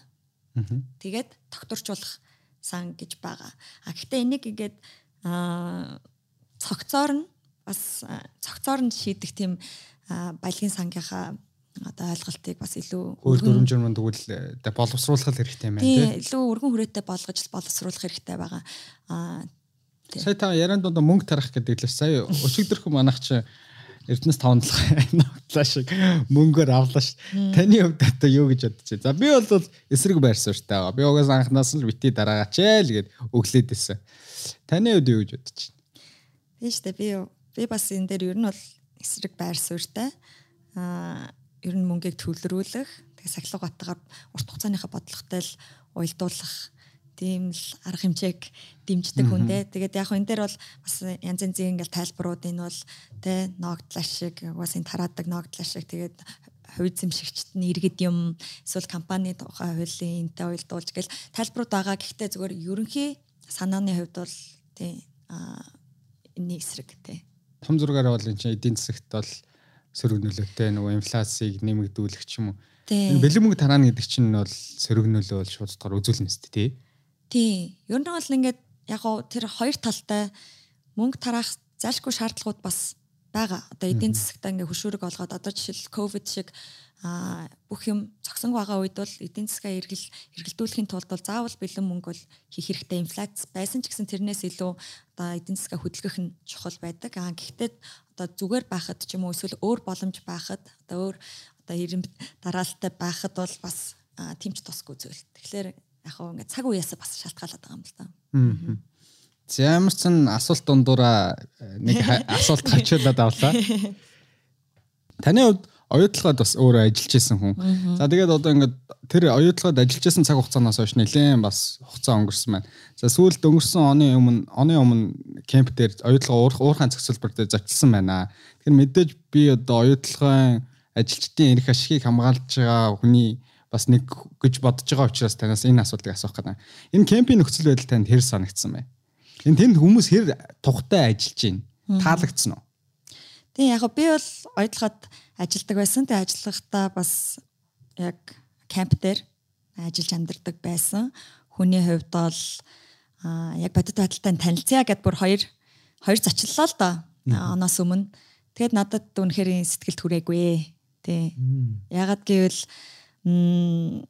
мэдээч хэрэг тэр чинь ямар ч бүтээн байгуулалт хуучирна. Хуучирсан байна. Тэ тэгэхээр байрнууд маань хуучирсан байна. Тэгээд бас тэнд камп дээр байгаа хүний тоо бол нэмэгдсэн байгаа. Бүтээн байгуулалт явж байгаа. Бараг 11 мянган хүн байдаг. Тийм шүү. Ингээ 20 мянган хүн байгаа. Тэнгүүд тэнд бол ер нь бол тэгэл тэр чинь зөвхөн хүн ажиллаад харж байгаа тийм нөхцөл биш шүү дээ. Энд чи камп гэдэг утгаараа тэр чинь амьдралынхаа талыг тэнд зарцуулж штэ. Тэгэхээр тэр чинь зөвхөн амьдрах биш, ажиллах биш, тэнд чинь хамаг чөлөө цагаа өнгөрүүлж байгаа гэдэг утгаараа бол маш цогц, маш таатай байх хэрэгтэй. Энд чинь говийн говийн нутагт хүнд ажил хийж байгаа хүмүүс байгаа шүү дээ. Тэгэхээр тэрэн дээр бол манай ажилчны нийгмийн асуудал дээр бол яг санаанд бол хүрээгүй. Аа би хоёр ч удаа зочлоо. Бид нар бол ярьдаг л да яг ингээл ер нь ингээ кампийнхаа стратеги юу ах юм бэ? Тэгээд энийг одоо цаашид бид нар заавал камп байгаад ах юм уу? Эсвэл Эрдэнэт шиг хот хөгжүүлэх юм уу? За Эрдэнэт шиг биш юм а гэхэд ямар ч байсан ингээ хамбогтыг хөгжүүлээд тэндээ хүмүүс гэр бүлтэйгээ ажиллаад одоо амьдраад ажилдаа яваад байх нөхцөлийг бид нэр ингээд цаашдаа ингээд хөгжүүлмээр байна. Ингээд тэгээ тийм юмнууд бол ингээд яригддаг. Тийм болохоор ингээд энэ бол мэдээч хэрэг уялдаатай байх хэрэгтэй гэдэл яваад байдаг. Гэхдээ яг үндэ өнөөдөр маргааш тэр чинь хичнээн мянган залуус тэнд ажиллаж байна, амьдарч байна. Тэдний нөхцөл байдал бол тав тухтай ажлыг нь одоо аюулгүй хийлгэх тэр нөхцөлийг бол байнгын бүрдүүлж авах хэрэгтэй. Тийм болохоор надад бол яг хуу камптер зачлаад бол санаанд хүрээгүй. Тэгээд энэ дээр бол тэр хамбогдыг мэдээч хэрэг ингээ бид нэр хөгжүүлнэ гэж ярьж байгаа. Тэрэн дээр ингээд сан тавигдаад мөнгө тавигдаад явж байгаа. Гэхдээ тэр ботл тэгээ тэр чинь хот байгуулагдаад явтал хүмүүс яг яаж амьдрах байгаа юм бэ те? Тэр чинь ямар зүгээр ажиллаад байгаа ш тэр чинь амьдраад байгаа. Тэгээд энэ дээр бол би айгу тусгаар тусгаалan ажиллаж байгаа. Тий ер нь тэгэл бас эрийг бас одоо ганцаараа шийдэх боломгүй юм учир тий тий одоо ингээл би зочлоо юм байлаа юм байлаа гэл тэрийг яриад явж байгаа. Ягаад гэвэл тэгээ уламж одоо ярина гэж бодчиход ягаад гэвэл эн чинь а зөвхөн одоо ажилчдын ажилчид гэхлээр чинь л одоо нэг хүмүүс ингээл цалин аваад яаж бид нэр дэлхийн жишг уурхай гэж ярьдаг. Ярьдаг. Тэгвэл бид нэр дэлхийн жишг дэлхийн жишгт манлайлах хэмжээнд л бид нэр одоо ажиллах хэрэгтэй. Тэр нь одоо бүх талаараа байгаль орчин тэгээ бид нэр одоо ажилчдынхаа нийгмийн асуудал ингээ бүх талаар бид нар манлайлах хэрэгтэй гэж боддог. Тэгээд энэ дээр бол яг хуу тусгаалга одоо бас Монгол хүний зүгээс ч юм уу дээрэс нь бас тэнд ажиллаж исэн. Өөрөө тэр хамт олонны нэг байсан хүний хувьд бол энэ дээр тусгаалan анхаарал тавьж байгаа. Дараагийн нэг асуулт асуудал нь болохоор нөгөө тэгш орцтой холбоотой манайх чи хууль дүрм өөрчлөгдөөд тэгээ нөгөө илүү цагийн асуудал масуудал гэл нэг хэсэг хүмүүс ярьсан шүү дээ. Тэрэн дээр ер нь илүү цаг одоо жишээ нь компани ингээд ажилтныхаа илүү цагийг батлахгүй байх ч юм уу энэ тохиолдолд одоо тузын төвшөнд юм уу стратегийн төвшөнд энэ дээр одоо хэмнэлт хийн гэдэг тийм бодлого баримталт юм уу нэг бол үнэхээр шаардлагатай бол хүмүүстэй илүү цагаар ажиллах тэр тал дээр нэмлэг үзүүлнэ гэдэг дээр нээлттэй байр суурьтай байд юм уу? Тий яг тэр яг тэр асуудал дээр а ер нь юу болоод байгаа гэхэлэр тэр нөгөө тооцоолох арга барил нь нөгөө баг exponentially гэдэг шиг нөгөө хязгааргүй болох тийм тооцоололтой Одоо тэгэхээр ингээ илүү цагийг бодсноо, илүү цагийг бодсноосоо дахиад илүү цагийг бодглоор чи ингээ тэр чинь ингээ өсгөр яваадах боломжтой нэг хэсэг нь нэг хэсэг нь ч бүр илүү цагч авахгүй тийм ч нөхцөлтэй ч юм. Тийм тийм тийм. Тэгэхээр тийм тэгэхээр яг хуу тэрэн дээр бол мэдээч хэрэг тэр чинь зардлын томоохон хэсэг байгаа юм чи тэрэн дээр бол ингээ анхаарад тэрэн дээр яаж шийдэл гаргах уу гэд менежмент тэрэн дээр төвлөрөөд ингээд шийдэл гаргаад бол явж байгаа.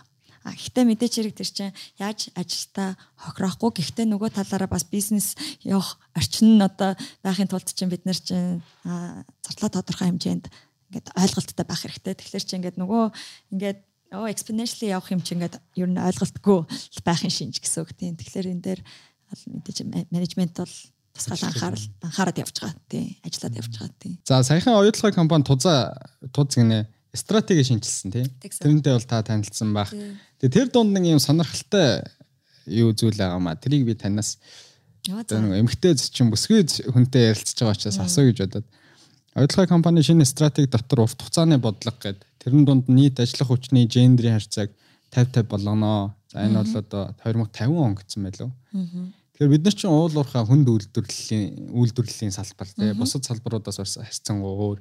Тэгэхээр энэ нь өөрөө бусад э, компаниудад болон бусад салбарт ажиллаж байгаа хүмүүст эерэг болон сөрөг талаас ямар жишг үзүүлэх вэ? Таны байр суурь юу вэ? Аа. Ер нь бол энэ жишг бол зөв. Ер нь альва альва юмд тэгш оролцох боломжийг байнга хангаж явах хэрэгтэй. А тэгээд байнга тэрийг хангахын тулд бид нар бас ийм одоо шийдэмгийн зорилтуудыг тавих хэрэгтэй. А тэгэхээр энэ бол зөв жишг гэж бодож байна. А гол нь энэ дээр а жишг тавиад ч гэсэн одоо бид нар тэрэндээ яаж хүрэх вэ гэдэг асуулт болоод байгаа юм л да. Тэгэхээр тэр асуулт бол зөвхөн ойдлогоо компани асуудал биш. Ер нь урт хугацаанд бол энэ өргөн хүрээтэй нийгмийн асуудал гэж би хараад байгаа юм л да. Бүгдээрээ бас санаагаа тавих хэрэгтэй. Одоо богино хугацаанд бол за яг хаа ингээд хөдөлмөрийн зах зээлийн байдлыг харж гад яг аль болох ингээд эмгтээчүүдийг цалингаараа ч юм уу хангамжаараа ингээд ойтлогоо компани ч юм уу өөр юм зорилт тавьсан компаниуд бол татчин эсвэл бэлдэн сурталчлан те одоо шууд одоо recruiting те зүгээр ингээд ажилдаа компанид татах тийм арга хэмжээг бол авчихна. А тэнгууд дунд хугацаанд гэхлээр яаж тэрийг үр дүнтэй байлгах вэ гэхлээр бид нар яаж эмгтээчүүдээ эмгтээчүүд ч байна уу ямар ч тэр одоо зорьсон зорилтод бүлэгээ яаж тэр ажлын байран дээр нь хадгалах вэ? дэвшүүлэх вэ?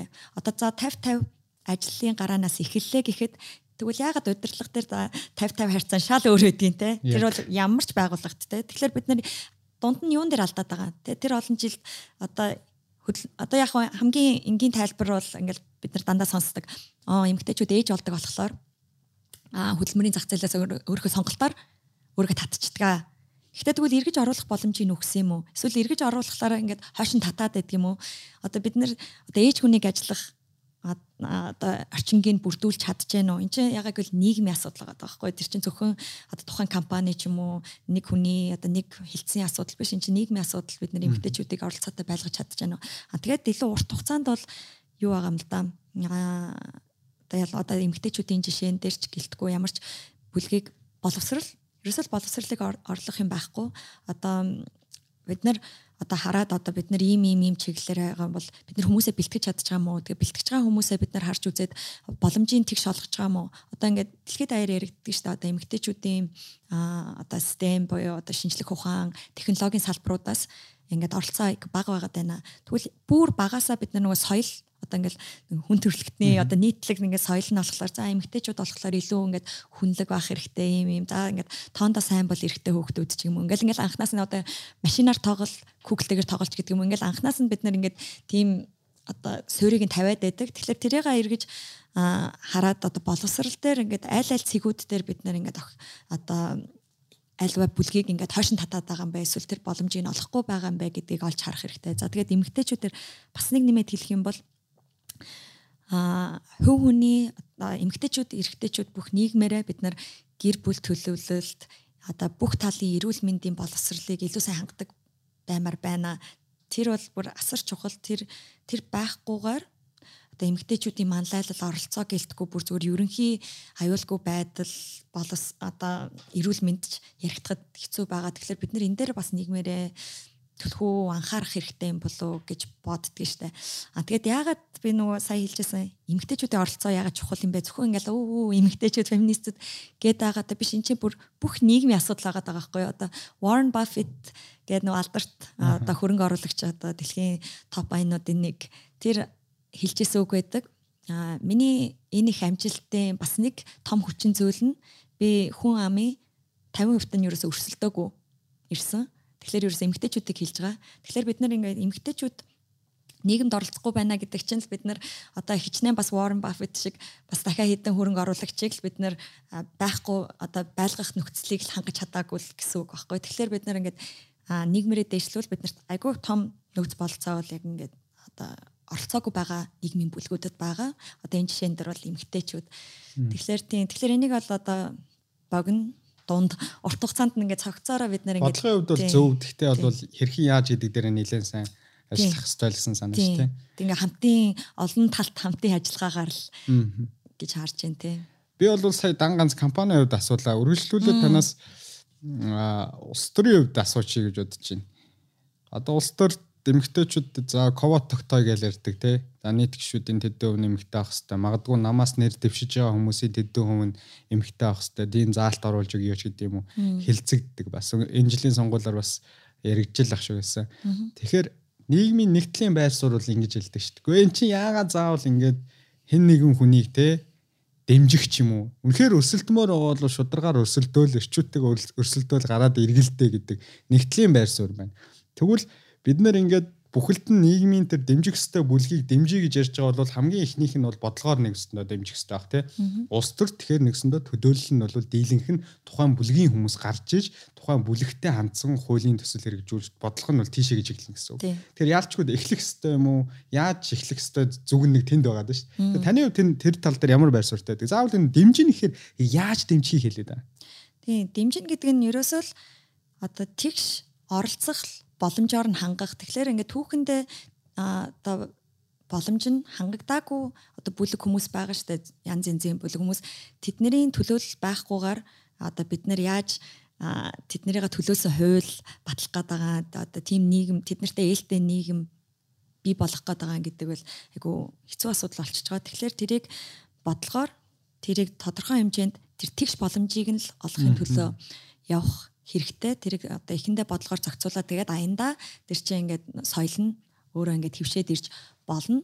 А тийм чинь тэгээд ер нь бол ингээл хаасайгүй яригдаг асуудал эмэгтэйчүүд асуудал шгэлтгүү тийм эмэгтэйчүүд шгэлтгүү ингээл нийгмийн янз янзын бүлгүүд одоо ингээл манай Харвард их сургууль дээр чинь бас а одоо Харвард их сургуульч гэдэг одоо Америкт их сургуулиуд дээр чинь бас нөгөө одоо цагаануудаас гаднах одоо өөр одоо юунууд Тэ ингээл арснууд энэ төр өөр арс өнгийн югаар дэмждэг тийм янз янз affirmative action гэдэг одоо дэмжиж одоо тэд нэр ингээд сургуульд ямар нэгэн сургуульд аппликейшн явуулаад өргөдлөө явуулахад одоо тэрийг ингээд тэр мэдээлэлээ өгөөд тэнгуут бас ингээд за бид нар илүү тэнцвэртэй одоо бүх оюутнуудаа ингээд илүү тэнцвэртэйгээр ингээд бүрдүүлъя гэх те одоо за 1600 хүүхэд сонгуул одоо бид нэр одоо тодорхой хэмжээгээр бас ингээд алгалсан байя гэдэг тийм бодлогоор явсан бол одоо сая одоо Америкийн дээд шүүх тэр болцоог ингээд хаацсан одоо зөвхөн хуулаар хоригдсан яагаад гэвэл тэдний шударгал шударгаар л өрсөлдөх хэрэгтэй штэ гэд. Тэнгуут ингээд тэр бол ингээд айгу том ингээд асуудал байгаад байдаг л да. Яг шударгаар өрсөлдөх санаа нь сайхан байна. А гэхдээ тэр түүхэндээ ингээд нөгөө бодлогоор хойшин татагдцсан байгаа хүмүүс байгаа штэ тэднэрийг ингээд шударгаар өрсөлдөх одоо талбар дээр очих хүртэл нь бас дэмжих хэрэгтэй. Тэр талаас бас нэр бодмаар юм дээ. Яг нэг гараанаас гарсан юм шиг. За чи шударгаар өсөлт гээд байж бас болохгүй. Тэр нөхцөл байхгүй байгаа бол тэгэл тэр чинь үрд хаашаа татагдах бол айгу харамсалтай шүү дээ. Тэгвэл нийгмээрээ эргээд хэлдэг нийгмээрээ бид нар хохирч байгаа. Тийм ээ. Би нөгөө түрүү Солонгост энэ асуудал байгаад байгаа гэдэг нь нөгөө төрөлтөө холбоотой асуудал Солонгос чинь нэлээд байгаад байгаа юм байна. Би нэг сүүлд мэдээ уншижсэн хүүхдийн тэрэгнээс өнгөрсөн жилийн хугацаанд Солонгос улсад хүүхдийн тэрэгний борлуулалтаас илүү нохооны тэрэгний борлуулалт өндөр өндөр гарсан байна. Тэгээ нөгөө яалчгүй эмэгтэйчүүд нэгсэндээ карьерийг илүү хөөж ийн гэсэн үг шүү дээ. За хүүхэдтэй болчих юм бол нөгөө эн чинь 2 3 жил карьераас хойш суучих учраас гэр бүл төлөвлөлт нь би зүгээр нэг хүчин зүйлийг ярьж байгаа юм. Тэгэхээр иймэрхүү асуудал нийгмийн асуудал нь эргээд нийгмийн тухайн улсын эдийн засагтаа ч юм уу мөр сөргөөр нөгөө нөлөөлөх хэмжээний бодлогын асуудал болоод ингэнгүүт за энэ хүмүүсийн чинь тэгвэл яаж одоо бодлогоор би дэмжих хэрэгтэй юм бэ? гэр бүл төлөвлөлтийн давхар дэмжиж гэхдээ давхар карьерийн одоо золиослохгүй байдлаар дэмжих болчихж штэ. Тийм шүү дээ. Тэгэхээр тэр чинь бас нэг нэг алдаал хаа нэг гарцсан байгаа гэсэн үг шүү дээ тий. Тэгэхээр хүн нэг бол сонголт хийх болгоцсон байгаа шүү дээ. Тэгэхээр дэмжиж тэрийг ингээд яаж ингээд одоо тэрийг зохицуулаад тийм зохицуулаад одоо амьдрах нөхцөлийг нь бүрдүүлж чадлаггүй л одоо нэг одоо эмэгтэй хүн та сонголт хий гэдэг тийм дээр нь л тулгцсан байна л гэсэн үг шүү дээ. Тэгээд нийгмээрээ тэгээд аль нэгийг сонгоод яваад байгаа. Тийм. За баярлалаа. Энэ дээр би угаасаа таны саналыг сонсоод энэ зөндөө хүмүүс бас энэ талаар сонирх сонирхож байсан учраас асуух хэрэгтэй асуулт байсан. За одоо би салбарын салбарынхаа талаар жоох ярина. Уулуурхайн салбар. Таны хувьд бас өмнө нь Австралд уулуурхайн компаниудад ажиллаж байсан. Ер нь дийлэнх карьерийнх нь үе шатыг харах юм бол ер нь уулуурхай чиглэлд бол нэлээд цаг хугацаа зарцуул зарцуулсан учраас салбараас нь сонирхож асуумаар байна. Харвардын сургуулийг эдийн засгийн бакалавр зэрэгтээ төгсөхдөө дагалдах мэрэгжил гэж яддаг. Тэр нь зүү хаад судлал байсан. Тэгэхээр Монгол улсын хувьд бол геополитикийн хувьд бас сонирхолтой байрлалд байдаг гэж хүмүүс ярьдаг. Тэгэхээр зүү хаад судлалаар та сурцсан байдаг. Тэгэхээр би асуух гэдэг байгаа нь цаашдаа Монгол улс аль зах зээлийг түлхүү барьж хөгж нь бодлогоо чиглүүлж тэрэндээ одоо шийдэмгий баймаар нь шүү дээ тий. Яг гоо геополитикийн хувьд хэцүү байгаа ч гэсэн нэг бодлогоо зөрөгтэй гаргаад түүнийг бариад явах юм бол бид нэр хүсэж байгаа хөгжилтөө илүү ойртох юм болов уу гэж би зүгээр залуу хүнээс хувьд боддог. Тэгээ бид нэр гараанаас цуг гарсан хүмүүсээс нэлийн хол байна л та. Энэ тохиолдолд энэ яг уу одоо Харвардд сууж сурж байгаа зүүн Аз судлалыг тухайд юу гэж судалж байсан бид нарт бас Азийн одоо ямар боломжууд вэ? Азийн зах зээлийн. Тий, тий. Яг аа сая хэллээ дээ нөгөө гараанаас бид нэр гараанаас зэрэг гарсан нөхдүүдээс ер нь хол одоо доогуур байгаад байна. Тэгэхээр энийг яг бас хоёр үзүүлэлтээр задлмаар байна л да. А тэгэхээр яг гараанаас гарсан нөхдүүд гэвэл би яг зөвлөлт холбоот улсын бүрэлдэхүүнд байсан. За тэгээ бас социализмаас арчлал руу одоо бид нартай нэг үед шилжсэн одоо ойр тойрны улсууд л гэж тодорхойлчих л да. Тэгэхээр бид нар яг эдийн засгаараа одоо зүйлт нь магадгүй нэг хүнд оногдох дотоодын нийт бүтээгдэхүүнээрээ ч юм уу ер нь бол дундуур доогуур орж байгаа. Тэр бол яалтчгүй нэ одоо зүүн одоо дунд Азтай бол тийм да тэгээ зүүн Азтай бол бүр доогуур. Тийм. Гэхдээ нэг өөр нэг үзүүлэлт нь болохоор аа бидний арчлал хөгжсөн байдал одоо ер нь манай засаглал. Тэрнийхээ хувьд бол бид нар аа ер нь арай дээгүүртээ ордог. Аа ягаад гэвэл бид нар яг flawed democracy буюу одоо арчлалын хувьд бол арчлал яг уу бас асуудлууд байгаа юу байгаа. Гэхдээ бид нар бол арчлал. Харин зарим улсууд одоо харьцуулаад байгаа улсууд маань authoritarian буюу одоо дарангууллын одоо нийгэм гэж тодорхойлогдсон шүү дээ. Тэр нь яг уу одоо яг уу ингээд эдийн засгийн үзүүлэлт дажгүй байвч гэсэн тэр чинь урт хугацаанд тэр чинь асар том одоо үнэт зүйл гэж харах хэрэгтэй ардчлаа нар чинь оо зөвхөн тарангуулд ор баян амьдрах байсан юм ач гэдэг юм уу гэхдээ тэр нь урт хугацаанд бид нарын өрсөлдөх чадварт асар том одоо хөрөнгө оруулалт хийж байгаа гэж бид нар ойлгох хэрэгтэй тий. Тэгэхээр ингээд энэ бол цаг хугацаа ордог бид нар гинтл бүгд одоо адилхан одоо шилжилт хийсэн. Тэгэхэд яг энэ бол цаг хугацаа орох асуудал. А тэгээ биднэрт юу байгаа гэхэлэр ингээд арчил болохоор бас ингээд хөршүүдтэйгээ одоо хоёр хөрш болон гурав дахь хөршүүдтэйгээ тэнцвэртэйгээр одоо харьцаад явах тийм боломж байгаа. Одоо бид нар арчлалтай юм болохоор тэгэхээр бас тэрийг бас айгу үнэлж одоо тэрийг балансыг айгу барих нь л зүйтэй юм уу лөө гэж боддог шүү дээ. Яг л урт хугацаанд бол тэр бол айгу өрсөлдөх чадварт бол нөлөөлөх айгу том хүчин зүйл гэж би хардаг. Энэ бол бидний ялцчгүй бас айгу чухал зүйл. А тэгээ бидний бол айгүйх яг дунд Азтай айгүйх харьцуулаад яг адилхан гараанаас юм шиг айгүй төстэй юм шиг яг нэг улсыг тодорхойлъё л да Казахстан улс. Казахстан улс ч яг маш олон талаараа манай улстай айгүй төстэй штэ. Газар зүй байршил дээрэс нь одоо эрсдэл суур амьсгал одоо урамсгал одоо уул уурхай байгалийн баялгаас түршгэлсэн эдийн засаг нүүдэлчин соёлтой а одоо нэг хүнд одоо оногдох газар талбайгаараа бас ингээд харьцаанайгүй бас одоо газар талбайтайгаа харьцуулбал хүн ам нь бага гэх мэт. Тэгэхэд тэд нар чинь дунд Азтаа бол тэргүүлж яваа улс одоо эдийн засгаараа дотоодын нэгд бүтээгдэхүүн одоо манахаас бараг 3 дахин их одоо нэг хүнд оногдох нь. Тий. Байх жишээний бол хамаагүй одоо хөгжиж байгаа. Тэр Тэднээс харахад бол тэндээс юу суралцмаар байна гэхдээ яг тэдний засаглал бол шал өөр. Тийм тэгэхээр бол бараг 30 гаруй жил бол нэг хүний засаглалтаар явсан ардчлал. Тэгэхээр тэр бол шал өөр. А гэхдээ тэднээс яг авштай юм юу вэ гэхээр гадаадын хөрөнгө оруулалтыг айгуу сайн ингээд анхнаасаа айгуу дэмжиж ингээд татаж чадсан. Татсаар яваа. А тэдний яг газрын тос ихтэй. Тэгээ газрын одоо 2019 оны байдлаар бараг эдийн засгийнх нь 85% нь газрын тосноо самаралтай гэж үзэжсэн бол тэрийг одоо одоо яг бодлогоор одоо төвлөрүүлээд одоо өөрөөр салбаруудаа дэмжиж явъя. Тэгээд ер нь бол ингээд байнгын гадаадын хөрөнгө оруулалтыг татсаар байгаа. Бид нэр чинь ингээ гадаадын хөрөнгө оруулалтын айгу итгэвтэй одоо ерөнхийлөгчийн ахалдаг тийм хороотой. Тэгээд тэрэн дээр ингээд байнга гадаадын хөрөнгө оруулагчтай асуудал шийдлүүд хилцэж яадаг. Тэгэхээр ингээд тийм юм бол байгаа. Гэхдээ миний хэлснээр ингээд хоёр үзүүлэлт байгаа даа мэдээж хэрэг бид нэр эдийн засгаа хөгжүүлэхийн төлөө явах хэрэгтэй. Гэхдээ тэр нь ингээд урт хугацаанд тэрэнд айгу том түшиг олох юм нь бол бас одоо засаглал, хууль эрх зүйн одоо орчноо улам сайжруулаад улам их одоо төгсрүүлэл явахад бас айгу үнц юм байгаа бид арчил байгаа тэгвэл бас нэгэн бас талархах хэрэгтэй шүү дээ тэгвэл би л авт гэж боддог тий. Яг Казахстан шиг за уул уурхайн салбараа төлхөө хөгжүүлээд ингээд явхад Монгол бас ялгаагүй. Бидний гаднаас олж ирж байгаа долларын ихэнх нь уул уурхай байгаа штэ бидний одоо ганц зарж байгаа зүйл нь уул уурхайн салбараас. Тэгэхээр уул уурхайн салбар хөгжихэд хамгийн чухал нэг зүйл нь бол нийгмийн орчин байгаа гэдэг. Тэгэхээр бид нар энэ нийгмийн орчин өөр уул уурхай гэдэг сэдв чи өөр эмзэг сэдв хүмүүс нөгөө байгаль экологтой холбоотой асуудал яригддаг учраас малчид за үүнийг дагсан одоо эсэргүүцдэг хөдөлгөөнүүд за тэгээ сонгуулиас сонгуулийн жилд үүгээр улс төр хийдэг хүмүүс өндөө байгаа. Тэгэхээр айл айл талын буруутах гаргагүй. Гэтэл уул уурхаагаа бид төгжүүлмээр байдаг. Тэгээ нийгмийн орчныг тэгвэл яаж бид нэр зөвөөр зөв ойлголтын нөгч энэ болгоных нь нэг талд нь гарчихгүй шиг тэнцвэрийг барьж энэ хөгжлийг илүү хурдтай байлгамаар ш. Бид нар одоо зөндөө л алдагдсан боломжууд боломжуудын талаар ярил ярихаар л байна. Одоо гэхдээ энэ түүх алдаага давтмааргүй юм л гэж хэлж байхгүй юу? Тийм тийм.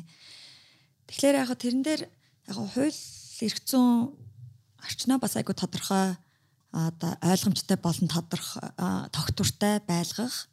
Аа тэгээд одоо бид нар сая хөрөнгө оруулалтын одоо шинжилсэн найрлагатай хуулаа жаал ярьж байгаа таашлуулчлаа штэ. Аа яг хэлцүүлгийн. А гэхдээ тэрэн дээр ингээд мэдээч хэрэг юм юугаа тодорхой болгох. Аа дээрэс нь тогтвортой болгох. Тэгээд хэрэгжилтийн шудраг байлгах. Энд дээр ингээд ер нь бол төр засгаас тодорхой үүрэг байгаад байгаа.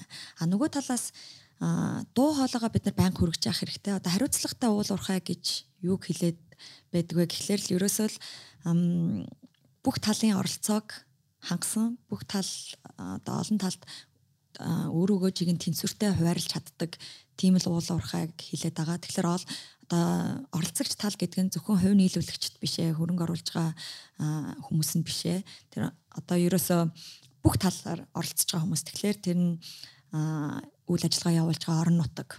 Тэгээд цаашлаа тэр үйл ажиллагаа явуулж байгаа улс орон тэрнийхэн төр засаг одоо шат болгоныхын төр засаг дээрэс нь ажиллах хүч. Тэр нь зөвхөн шууд тэр компани ажиллах хүч биш бас гэрээт ажиллах хүч. За худалдан авалт хийж байгаа одоо худал одоо худалдан авахчэд те тэгэхээр чинь олон улсад болоод явчихж байгаа. Дээрэс нь ханган нийлүүлэгчэд дээрэс нь одоо иргэний нийгмийн төлөөллүүд одоо жишээлбэл байгаль орчны талаар одоо дуу хоолойгоо өргөж байгаа одоо хүргэж байгаа тэр одоо төрийн бус байгууллагууд ч байдаг юм уу эсвэл өв соёлыг хамгаалах талаар төрийн бус байгууллагууд ч юм уу ингээд цогцоор нь тэд нартай байнга идэвхтэй харилцаа явуулж дуу хоолойг нь сонсож тэгээ зүгээр зүгээр би сонсоод юм хурал хийгээд хийцэн шүү зураг авахулаа тавих биш. Ерөөсөө тэдний яг байнгын тэрнтэйгээ хилцээр хийгээд одоо юу бол яавал тэнцвэртэй ингээд хуваарлалтай гэдгийг ингээд байнга олж авах одоо тэрийг одоо тэр орчныг байнга хангаж авах хэрэгтэй. Аа тэгжээж бид нар одоо тэр одоо салбар маань оршин тогтнох тэр юу н заман тавигдах юм уу? Тэрийг илүү сайн байнга хангаж одоо байнга нээлттэй байнга одоо оролцоотой байх хэрэгтэй. Тэгэхээр нөгөө талаас бид нэр бас оролцоотой байх хэрэгтэй. Оролцоотой байна гэдэг нь зүгээр болохгүй байна зогсоё гэдэг дуу хоолойгоо хүргэх биш бид нар яаж энийг хамтдаа шийдэлд хүрэх вэ гэдэг дээр ингээ хилцээр байнга одоо хийж явах хэрэгтэй. Тэгэхээр одоо би хэлжсэн иргэний нийгмийн төлөөллүүд нь одоо магадгүй ингээд төрийн бас байгууллагууд ч байдаг юм уу. Тэгээд бас төр засгаараа дамжуулаад ч юм уу ингээд энэ бол байнга үргэлжил яриа явж явах хэрэгтэй. Аа тэгээд нэг сонирхтой юм бол ягаад одоо бид нар хариуцлагатай уул уурхай гэдэг нэршлиг хэрэгэлдэг вэ? Доктортой уул уурхай биш гэдэг нь аа энэ бол угаасаа доктортой явах учиртай салбар биш. Ягаад гэвэл нөөц нь хязгаарлагдвал нэг өдөр дуусна. Аа тийм болохоор ингээд бид нар бол хариуцлагатайгаар хандаад тэгээд цаашаа тэр улсоор нь тэр хүн одоо нийгэм нь одоо эдийн засаг аваад явах хэрэгтэй. Тийм болохоор бид нар айгүй хариуцлагатайгаар одоо энэ одоо хязгаарлагдмал нөөцөн дээр л айгүй хариуцлагатай хандах хэрэгтэй. Тэгэхээр бид нэр тэр салбарын ч хариуцлагатай хандах хэрэгтэй. Нийт нийгмээрээ ч гэсэн бүх олон талаас хариуцлагатай идэвхтэй оролцох хэрэгтэй. Аа хязгаарлагдмал нөөцдөр хариуцлагатай хандах гэдэг чи их гоё ойлголт гарч ирж байна. Одоо нэг ийм асуудал иргэдэд байгаа шүү дээ. Ногоо эдийн засаг гэх тий.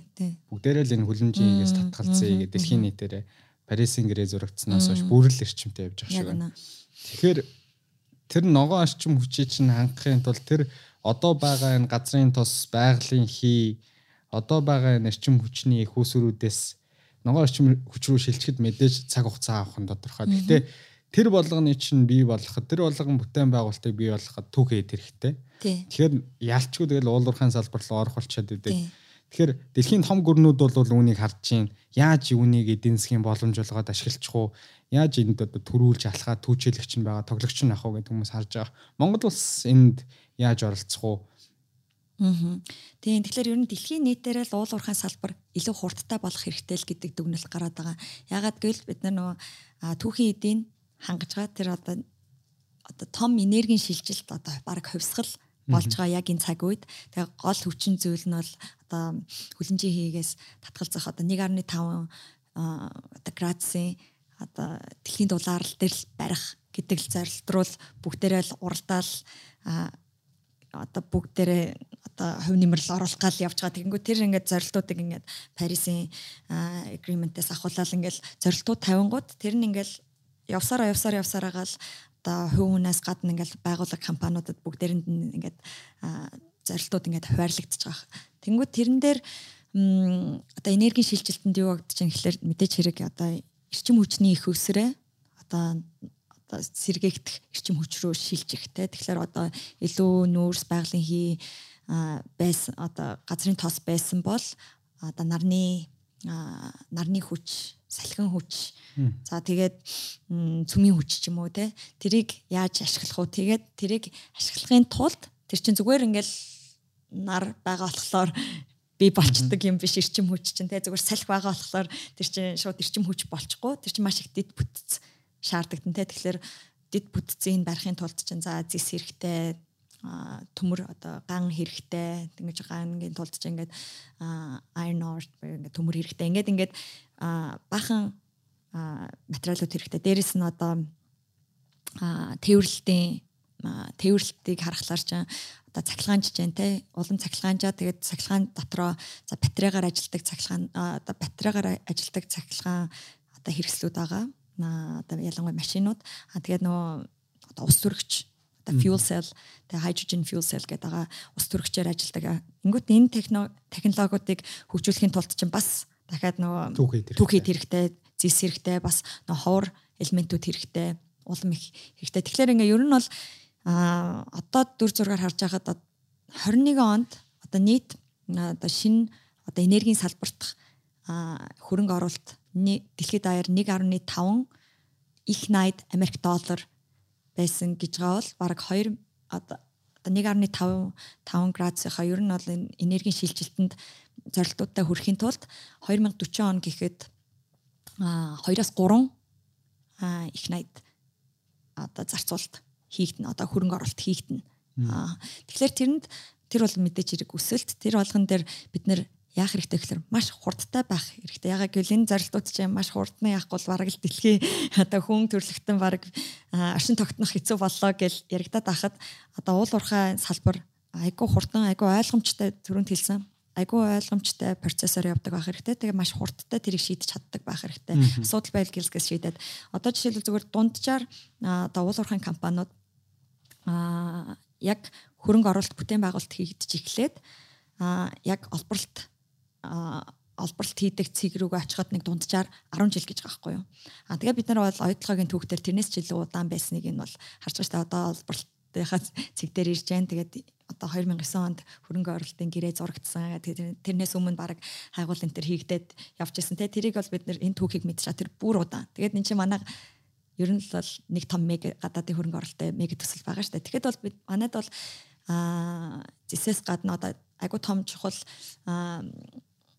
одоо элемент болж байгаа зис байгаа. Гэхдээ бас өөр юмнууд байгаа гэж яригддаг. Одоо ингээд хавар элементүүд ч гэсэн байгаа тодорхой хэмжээндтэй. Тэнгүүд тэрийг маш хурдан хайгуулт ингээд хайгуулт бид нэр хөрөнгө оруулалт хийгээд бас зэрэг айгу нааштай хандах хэрэгтэй. Тэгээд дээрэс нь ингээд за бүтээн байгуулалт хийгдэд явхад маш л хурдан л хандах хэрэгтэй. Ягаад гэвэл энэ дээр бүгд ингээд уралдаж байгаа Яа одоо бид нар гэхдээ гол нь өөр өрсөлдөгчийн эсрэг уралдаагүй баг хүн төрлөختний оршин тогтнох дээр уралдаж байгаа гэдгийг бас айгуусан ухамсарлаад энэ дээр бол айгүй их ач холбогдол дэлхийн нийтээр өгөх хэрэгтэй өгч байгаа. Гэхдээ энэс ч илүү өгөх хэрэгтэй ч юм уу. Тийм. Тэгээ мэдээж яг танаас энэ асуултын хариултыг хүсчихлээ. Яа тэгэхээр нийгэм өөрөө байнга талтчээдэг энэ уулуурхаа гадны нэг мангас орж ирээл Монголын хамаг баялагийг цөлмөл монголчуудын бархил баялагийг аваа явшлаач гэж угаасаа байнга сэдв. Энийг шууд нэг талд нь хагалж чадахгүй л. Гэхдээ мэдээж хүмүүст ингээд яг өөрийн хариултаар дамжуулж ойлгохгүй байдаг. Магадгүй энэ мэдээлэлээс хол байдаг. Магадгүй сонирхдаггүй ч хүмүүс юм уу сонирхоод цаанаас нэг ийм асуудал яваад байдаг.